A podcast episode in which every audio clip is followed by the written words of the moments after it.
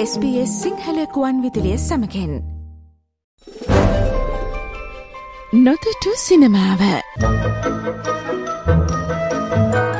සිනමාවේ නොදුටු පැතිකඩ සොයා යන SBS සිංහල ගුවන් විදිලියේ මාසික සිනමා සංවාදය.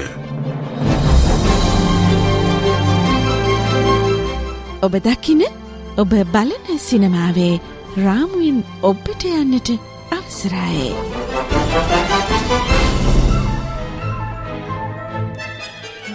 සැප්තැම්බර් මාසය අවසාන සතිය බ්‍රහස්පතින්දා නොදුටු සිනමාව විශෂාන්ගේ ගෙනෙන්නයි දැන් අපි සූදාන වන්නේ ස්පේස සිංහල ගොන් විදිලියෙන් තවත් අපූරු එවගේම ජනප්‍රිය ඒවගේම මේ දවස්සල ඉතාමත්ම සුවිශෂී කතාබහකට ලක්වෙච්ච චිත්‍රපටයක් පිළිබඳව තමයි අපි අද දවසේදීත අවධානයමු කරන්නේ. අපි අදත් සම්බන්ධ කරගන්නවා ශ්‍ර ලංකාවේ සිට සිනමා විචාරක විදර්ශන කන්නංගර විදර්ශන අයිබෝන්න සුබුදසනක් අයිබුවන් මදුර සුබෞදසනක් හොඳයි. අපි අද කතාබහ කරන්න තෝරාගත්තේ නවතම හින්දි චිත්‍රපටය වන ශාරුක්කාන්ගේ ජවාන් හින්දි චිත්‍රපටය.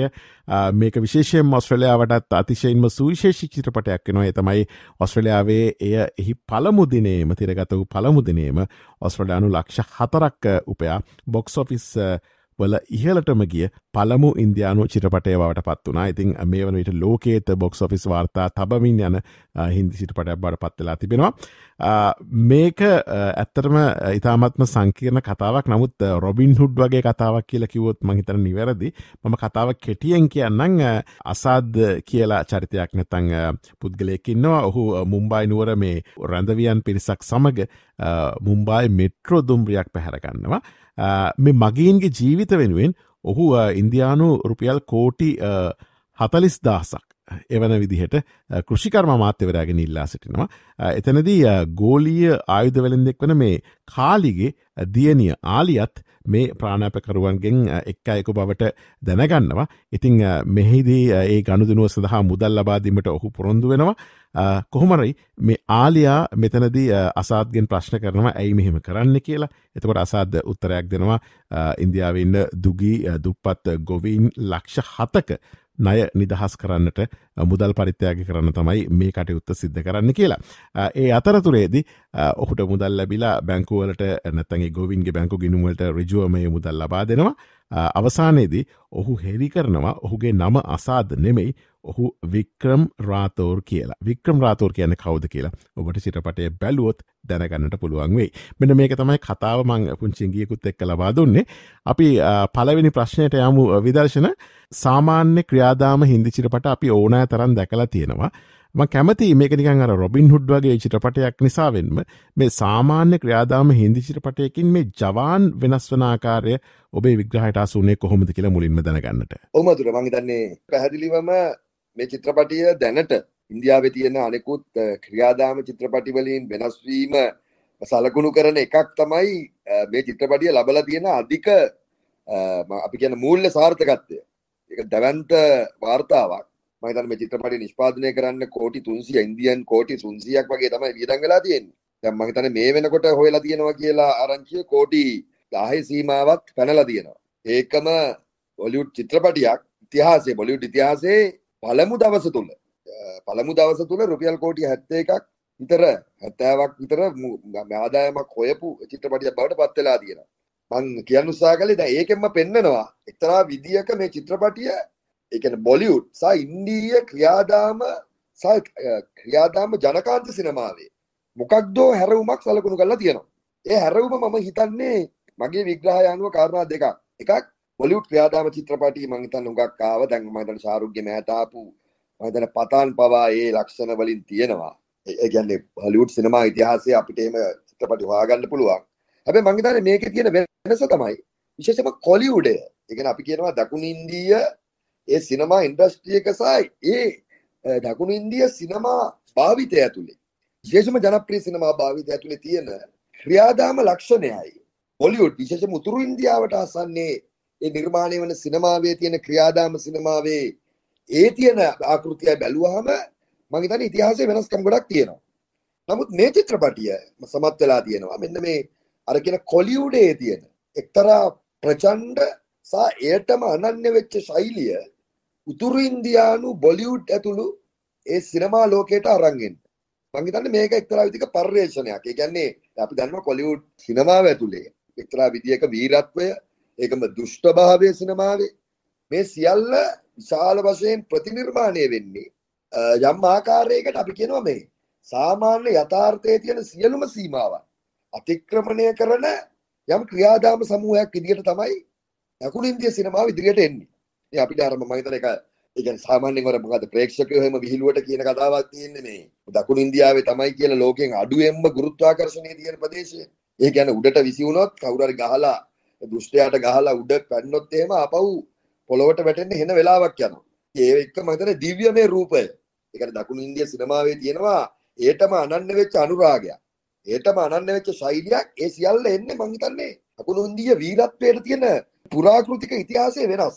උතුරු ඉන්දියාවට වඩා එහි තියෙන ප්‍රචණ්ඩත්වය, එහි තියෙන සමාජයත් එක්ක තියෙන ගැටුම, එහි තියෙන සමාජයත් එක්ක අරගල කරන ස්වරූපය ඒ සියල්ල වෙනස්. මං හිතන්නේ මෙන්න මේක උතුරු ඉන්දියාව දෙසට ගෙල්ලා තියෙනවා. ඒ කියන්නේ අපි දන්නවා දකුණු ඉන්දියාවේ වීරයන් ශාල වශයෙන් මං හිතනවා අර කියන වගේ රොබින් හුඩ් වර්ගයේ ඊටාම බාහු බලය සහිත ඊටාම අපිට ආවේගකාරී හැකිරීමෙන් හැසිරෙන මේ සියලු ලක්ෂණ මේ චිත්‍රපටියේ මම හිතලා අරන් තියෙනවා ඒක එක වෙනසක් බොලිවුඩ් ක්‍රියාදාම සිනමාවේ ඇති වෙච්ච. මම දෙවෙනි වෙනස තමයි මම හිතන්නේ ශාරුක් ખાන් කියන ඒ ප්‍රතිරූපය ඇතුළු අනෙකුත් බොලිවුඩ්යේ ඉන්න ජනප්‍රිය සිනමාකරුවන් සහ හොලිවුඩේ ඉන්න විශේෂයෙන්ම නයනතාරා හොලිවුඩේ ඒකම දීපිකා පදුකෝන් බොලිවුඩේ මම හිතන්නේ මේ සුසංයෝගයන් හරහා යම්කිසි ආකාරයකට වෙනත් මාත්‍රාවක් හොලිවුඩ් ක්‍රියාදාම සිනමාවට එකතු කරලා තියෙනවා. මට තුන්වෙනි කාරණය තමයි මේ ක්‍රියාදාම චිත්‍රපටියේ ඊටම වැදගත් මානය මට හිතෙන්නේ. ඒක අපි කතාව කල්පනාවෙන් බැලුවොත් මේ චිත්‍රපටිය ඇතුලේ යම්කිසි ජනතාවාදී නඹුරුවක් තියෙනවා. අපි කියන්නේ ඒකට අපි කියනවා පොපුලිස්ට්. කියන්නේ පොපුලිස්ට් ඒ කියන්නේ ජනප්‍රියයි කියන එක නෙමෙයි ජනතාවාදී දේශපාලන හැරවුමක් තියෙනවා. අපි ඒක මම හිතන්නේ අපි ඉදිරියට කතා කරමු. මම හිතන්නේ මේ සිනමාකරුවාගේ ඊට කලින් කරපු සිනමා නිර්මාණ බැලුවත් මේ ලක්ෂණය තියෙනවා. හැබැයි මේ චිත්‍රපටියේ ඒක තාම දරුණු විදිහට මොකක්ද ඒක?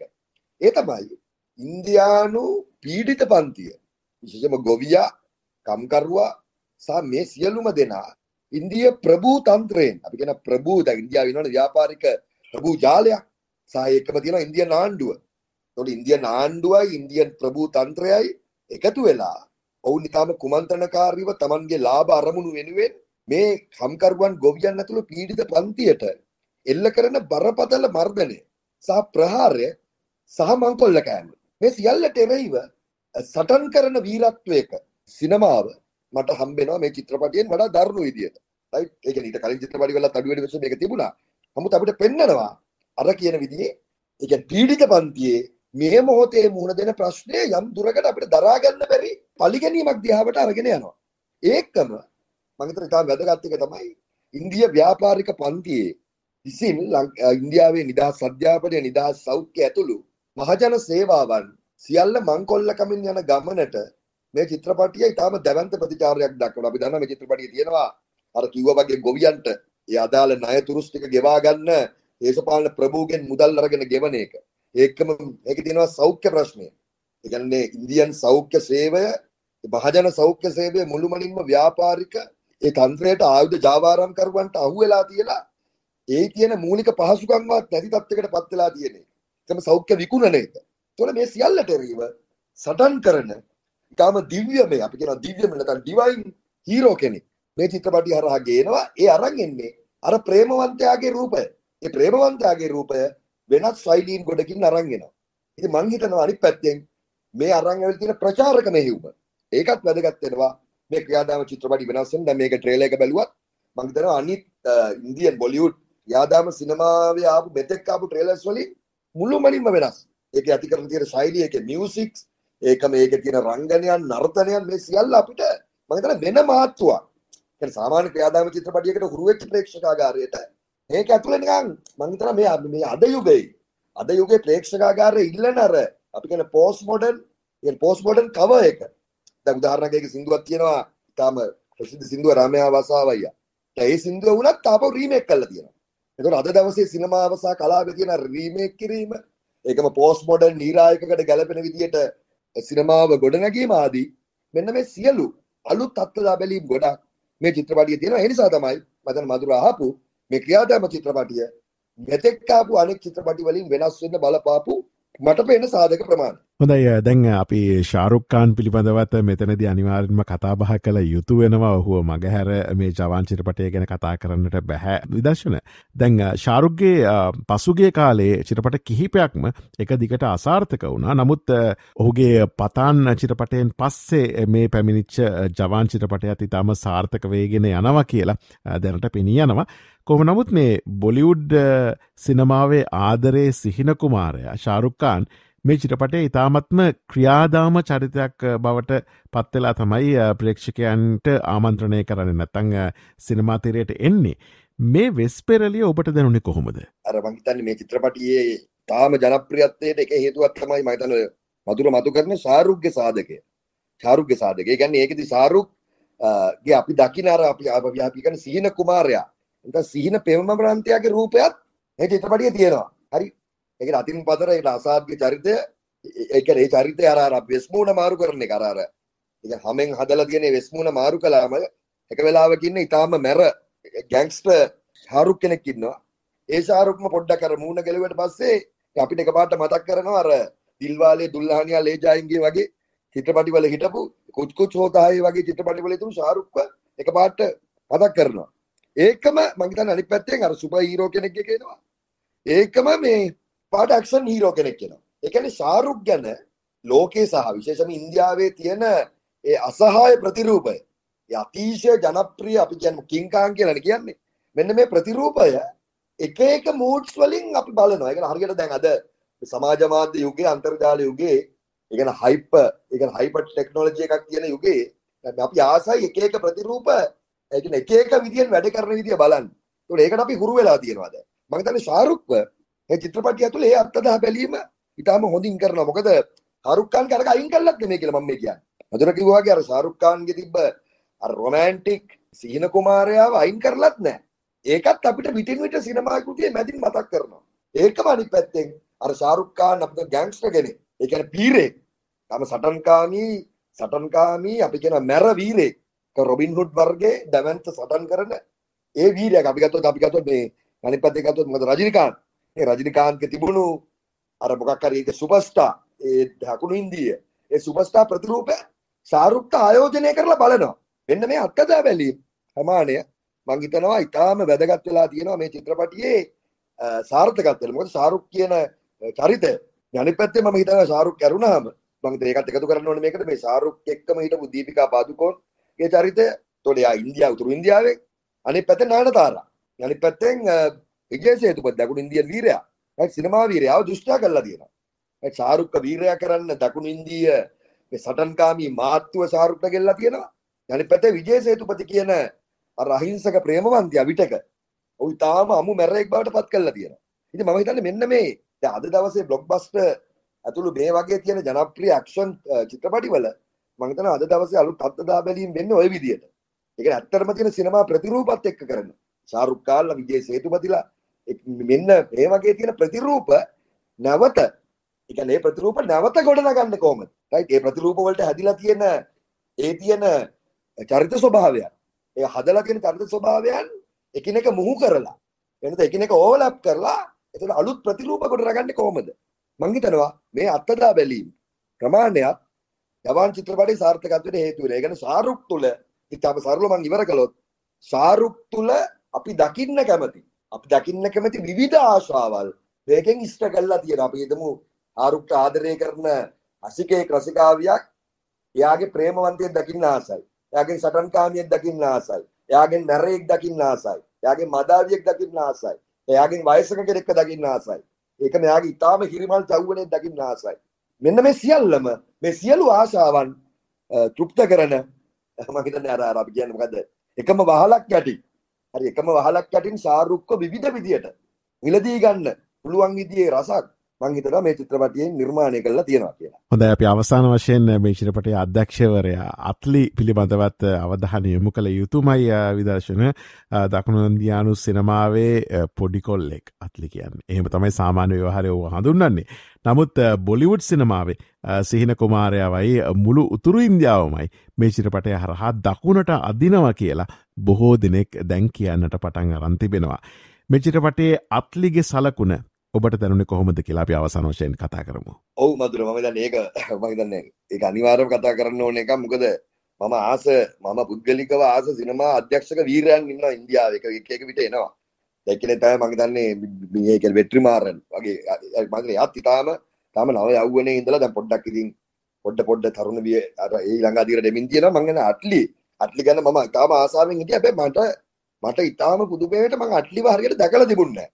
මං අට්ලික චිත්‍රපටි බැලුවද අට්ලි කරලා තියෙනවා මෙර්සල් ඒක මෙයාගේ මම හිතන යාගේ ඉස්සෙල්ලම අපි දන්නවා ඒ කියන්නේ පළමු චිත්‍රපටි වෙන්නේ රාජාරාණි.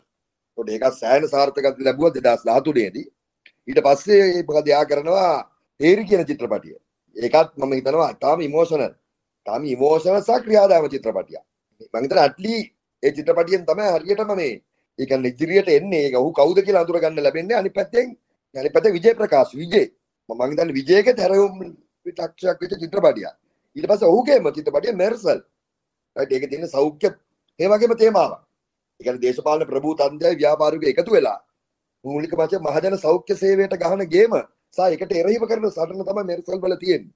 ඊට පස්සේ යම් මම හිතන කතාවේ යම් අසාර්ථකත්වයක් තිබුණත් මම හිතන්නේ ඊට පස්සේ ආව බිගිල් 2019. එතකොට මේ සියල්ලෙන් පස්සේ තමයි අට්ලි මේකට එන්නේ. මේ චිත්‍රපටියට එන්නේ මම දැන් අතල මම ඉස්සල කිව්වා වගේ අට්ලිව අට්ලික චිත්‍රපටි මම කෝ වගේ බල්ලා තිබුණාට මට අට්ලිව කවුද කියලා හොයන්න මේ. එච්චර ලොකු උනන්දුවක් තිබුණා අට්ලි කියලා ආසාවක් තිබ්බා. මම මේ ළඟදි බැලුවා. අට්ලිව ගිහිල්ලා බැලුවා. අර වා කියනවා වගේ මේ පොඩි කොල්ලෙක් නෙමෙයි ඉන්නේ. මේ පොඩි කොල්ලා මේ මෙච්චර ක්‍රියාදාම් ශාල විශාල කර්මාන්තයක් ඇතුලේ. මේ දැවන්ත චිත්‍රපටියක් හැදුවේ කොහොමද කියන එක මට ඒක විශ්මිතයි. මම හිතනවා අට්ලිගේ රහ මේ අනිත් පැත්තෙන් අට්ලිගේ නම වැටෙන විදිය චිත්‍රපටියේ. ඒ කියන්නේ එයාගේ සම්පූර්ණව දාන්නෙත් නැහැ.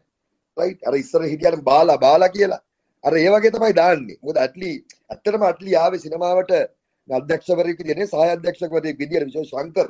අපි දන්නවා දකුණු ඉන්දියාවේ ඊටාම ඊටාම ක්‍රියාදාම චිත්‍රපටි වලට ජනප්‍රිය එකයි ශංකර්. එතකොට ශංකර්ගේ මේ ඇසිස්ටන්ට් ඩිරෙක්ටර් විදිහට තමයි හිටියේ. විශේෂයෙන්ම ඔහුගේ අර මොකද එන්තිරම් කියන චිත්‍රපටියේ. ඊට පස්සේ නන්බන් කියන චිත්‍රපටි වල සහාය අධ්‍යක්ෂක වෙලා හිටියේ අට්ලි අට්ලි එතනින් පස්සේ තමයි මේ සිනමාවට එන්නේ. මම හිතනවා අට්ලි කියන්නේ දකුණු ඉන්දියේ සිනමාවේ දැවන්ත සොයා ගැනීම. මම ඒක කියන්නේ අට්ලි මේ තාම සූක්ෂම සංකීර්ණ සිනමාවක් ගොඩනගා ගන්න නැහැ. හැබැයි අට්ලිට තියෙනවා මම ඒක කියන්න ඕනේ අනිවාර්යයෙන්ම අට්ලිට තියෙනවා අර ප්‍රේක්ෂකයාගේ සිනමැටික් එක්ස්පීරියන්ස් එක. මින් අද දවසේ සිනමාව කියලා කියන්නේ ඒ කියන්නේ කෙනෙකුට ඇවිල්ලා ඒ ඒ අනිත් කලා මාධ්‍ය වලින් ලබන්න බැරි අත්දැකීමක්. මේ අපිට ෆයිට් එකක් වෙනකොට වුණත් අහසට ගිහිල්ලා ගහලා හරි ඒ විසි වෙලා ඒ එන ඇත්තටම ඒක සාහිත්‍යයෙන්වත් වෙන නාට්‍ය වලින්වත් ඒ ලබන්න බැරි ක්‍රියාදාම එක්ස්පීරියන්ස් එකක් තියෙනවා සිනමාවේ. ඒක උපරිම දෙන්න හදනවා මෙයා. හරි. ඒ කියන්නේ අපිට හිතෙන මේ අපි ඇත්තටම බැලුවම මේ අතිශෝක්තියක් තමයි. මේ අට්ලික දැන් අපි ගැදුවොත් මේ ගවන් චිත්‍රපටිය වුණත් අදේ එහෙම වෙන්න පුළුවන්ද වගේ වෙන්න පුළුවන්. කොහොම වෙනවද අනේ නෝම ගහ ගන්නවද? හැබැයි අර අපි ආස එක්ස්පීරියන්ස් එක. හරි ගහනවා නම් ගහපන් කුඩු වෙන්න. හරි. ගහනවා නම් හොඳටම දෙන්න. තාම දැවන්ත විදියට අපිට හිතා ගන්න බැරි විදියට අපේ ආශාව ක්‍රියාදාම ආශාව මම හිතන්නේ අට්ලි තෘප්ත කරනවා සහ අනිත් පැත්තෙන්. ඒක තමයි අවසාන වශයෙන් මට කියන්න තියෙන්නේ. අට්ලිට විෂන් එකක් තියෙනවා. ඒක යම් කිසි පොලිටිකල් විෂන් එකක්. මම හිතනවා ඒක අනිත් ක්‍රියාදාම සිනමාකරුවන්ට ඒ තරම්ම මම ඒ තරම්ම දැක්කේ නැති මට්ටමක උදාහරණයක් මෙර්සල් ගැන මම කිව්වා. ඒකම ඔහුගේ ඊට පස්සේ ආපු තේරි වලත් මේක අමුතුරකට තිබුණා. දැන් අද ජවන් වලට එනකොට මම කියන්නේ මේ විශේෂම දුප්පතා වෙනුවෙන් හිටගන්න එක. ඒකම පීඩිතයා වෙනුවෙන්. ඒ පීඩිතයාගේ අරගලය වෙනුවෙන් සහ ප්‍රාග්ධනය විසින් කරන මහජන සේවාවන් විනාශ කරන එකට එරෙහිව ඇති කරන අරගලය මම හිතනවා අට්ලිගේ සිනමාවේ මූලික කේන්ද්‍රයක් වෙලා තියෙනවා. ඒ කියන්නේ මහජන අධ්‍යාපනයට වෙන විනාශය, මහජන සෞඛ්‍ය විනාශ කරන එක, ඒක මහජන අයිතීන් වලට අර කියන ප්‍රභූ දේශපාලන මාෆියාවෙන් වෙන ඒ හානිය සියල්ලට එරෙහිව ඒ සටන් කිරීමේ යම්කිසි විභවයක් කියලා අවසාන වශයෙන් කිව්වොත් එහෙම අට්ලි මන් දකින්නේ ජනකාන්ත සිනමාවේ වාමාංශිකයෙක් විදියට. හරියටම කිව්වා. ඒ අඩ්ලි වාමාංශිකයෙක් විදිහට තමයි මට පේන්නේ මොකද ඔහුගේ ඔහු කතා කරන ඩෙබාස් ඔහු සිනමාවට ගේන ඒ අවස්ථා සියල්ල වල මට පේනවා අර වාමාංශික වීරයෙක්. ඒක අරදියා ජනප්‍රිය සිනමාවට ඒ උණනේ වුණා වගේ පේන්න පුළුවන් නමුත් අත්‍තරම ලෙෆ්ටිස් කෙනෙක් එතන ඉන්නවා ඒක මම හිතන සලකුණු කරන්න ඕනේ ඒකම මම හිතනවා දකුණු ඉන්දීය සිනමාව සහ ඉන්දිය සිනමාව අතර ඇතිවන මේ සම්බන්ධය එහෙම නැත්නම් දකුණු ඉන්දිය සිනමාව ඉන්දියාවේ උතුරු ඉන්දියාව වෙතට මේ සංක්‍රමණය කරන හදන උත්සාහය මම හිතන්නේ අපි ටිකක් ඉදිරියට කතා කරන්න වෙයි දේශපාලනිකව. ඒක අනාගත ඉන්දිය දේශපාලනය. යලි හැඩගැහෙන්නත් බලපානවා කියලා මම හිතනවා මේ වගේ සිනමා කෘති ඒ යලි හැඩගැහිීමට ලොකු දායකත්වයක් දෙන්න පුළුවන් කියලා හිතනවා. ඒක අපි ඉදිරියට කතා කරමු. මම හිතන්නේ ජවාන් මාව මං හිතනවා අර මම සාමාන්‍ය සංකීර්ණ සිනමාවට ආස කෙනෙක් තමයි. හැබැයි ඉතින් ක්‍රියාදාම සිනමාව ගැන නැවත හිතන්න.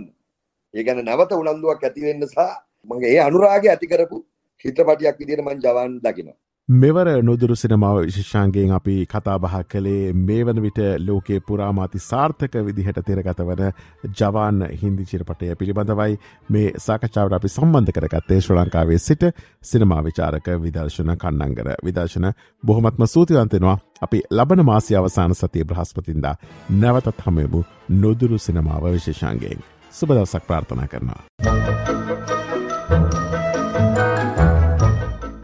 නොදුටු සිනමාව සෙලියලොයිඩ් පටයෙන් පිටපැන යථාර්ථය පිටපත් කරන SBS සිංහල ගුවන්නුදිලේ මාසික සිනමා සංවාදය ලබන මාසේ අවසාන බ්‍රහස්පතින්දාත්.